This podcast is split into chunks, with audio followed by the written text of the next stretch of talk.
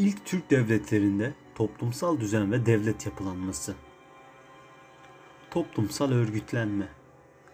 Oğuş, Uruk, Boy, Bodun, İl yani aile, soy, boy, millet, devlet olarak sıralanmıştır. Boydan itibaren siyasi örgütlenme de başlamıştır.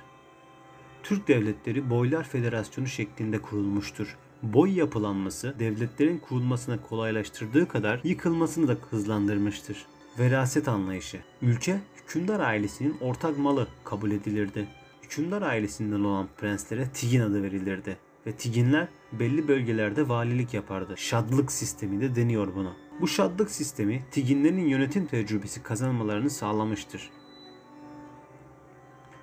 Veraset sisteminin belirsiz olması sık sık taht kavgalarının yaşanmasına neden olmuştur.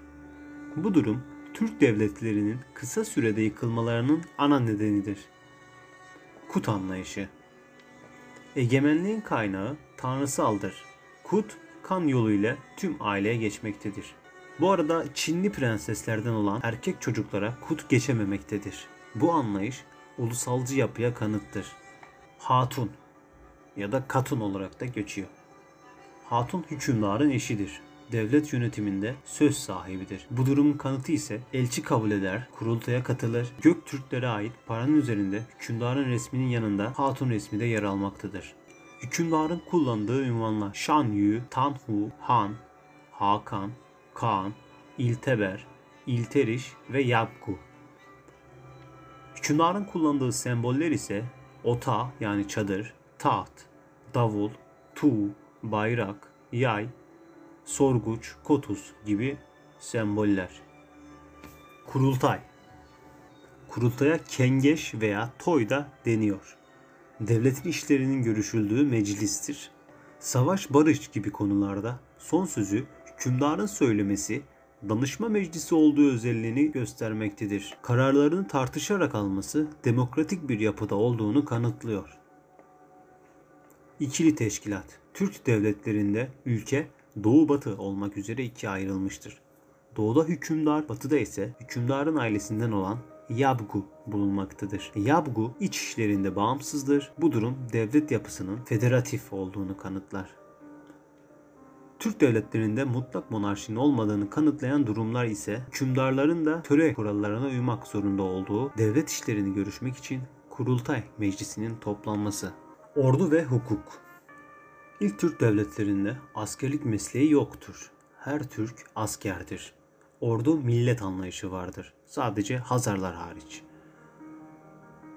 Onlu ordu sistemi vardır. Dünyayı en çok askeri anlamda etkiledik. Turan taktiği, pusu taktiği, sahte ricat taktiği gibi taktiklerimiz mevcut.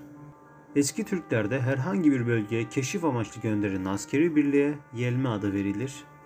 Devlet töreye göre yönetilir. Töre yazısız hukuk kurallarıdır. Yaşam koşullarından dolayı hapis cezaları kısa sürelidir.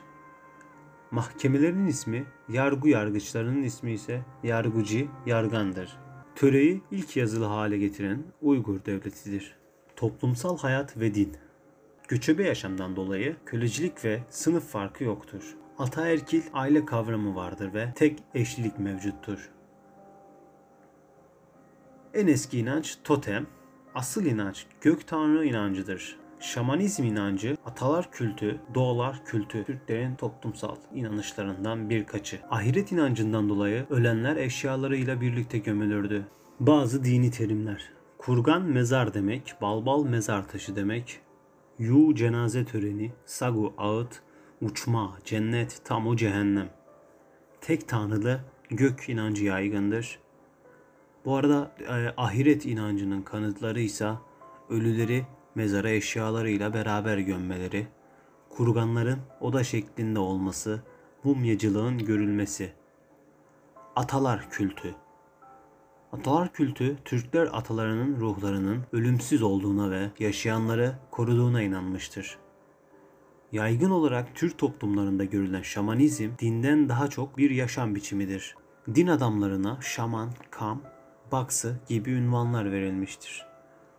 Edebiyata bakacak olursak, sözlü edebiyatta saf, sagu, koşuk, destan vardır. Sav atasözü, sagu ağıt, koşuk, kopuz yani müzik aleti eşliğinde okunan şiir, bir de destan. Alper Tunga ve Şu destanı İskitlere ait, Oğuz destanı Hunlara ait, Ergenekon ve Bozkurt destanı Göktürklere ait, Türeş ve Göç destanı Uygurlara ait, Manas destanı Karagızlara ait, Dede Korkut hikayeleri ise Oğuzlara aittir. Türkler göçebe bir yaşam olduğu için yazılı edebiyatı fazla geliştirememiştir. En önemli anıtlar ise Yenise yazıtları yine Kırgızlara aittir. Sineuşi ve Karabalasagun yazıtları Uygurlara aittir. Yine önemli bir eser olan Orhun kitabeleri Göktürklere aittir. Orhun kitabeleri 2. Göktürk zamanında Bilge Kağan, Kültigin ve Vezir Tonyukuk adına dikilmişlerdir. İçeriğinde yöneticiler ve halkın karşılıklı görevleri anlatılır. Türk devlet geleneği hakkında bilgi veren ilk Türk kaynağıdır. Ulusçu ve sosyal devlet anlayışlarının varlığını kanıtlar. Günümüzde Moğolistan sınırları içerisinde yer alır. Gök bilimi Türkler 12 hayvanlı Türk takviminin olması astronomi yani gök bilimi ile uğraştıklarının kanıtıdır.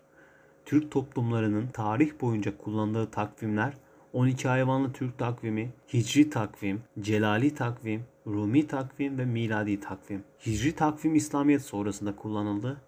Celali takvimi ise Büyük Selçuklularda, Rumi takvim Osmanlı Devleti'nde mali işlerde kullanıldı ve miladi takvim son olarak.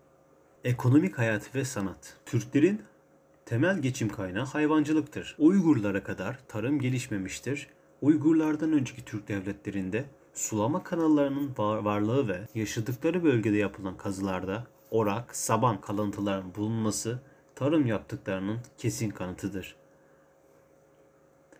El değirmeni, tahıl ambarı, yanık buğday taneleri tarımı çağrıştırsa da kesin kanıt değildir. Uygurların benimsediği Maneizm dininde et yemek yasak olduğu için Uygurlar temel geçim kaynağı olarak tarım ile uğraşmışlardır.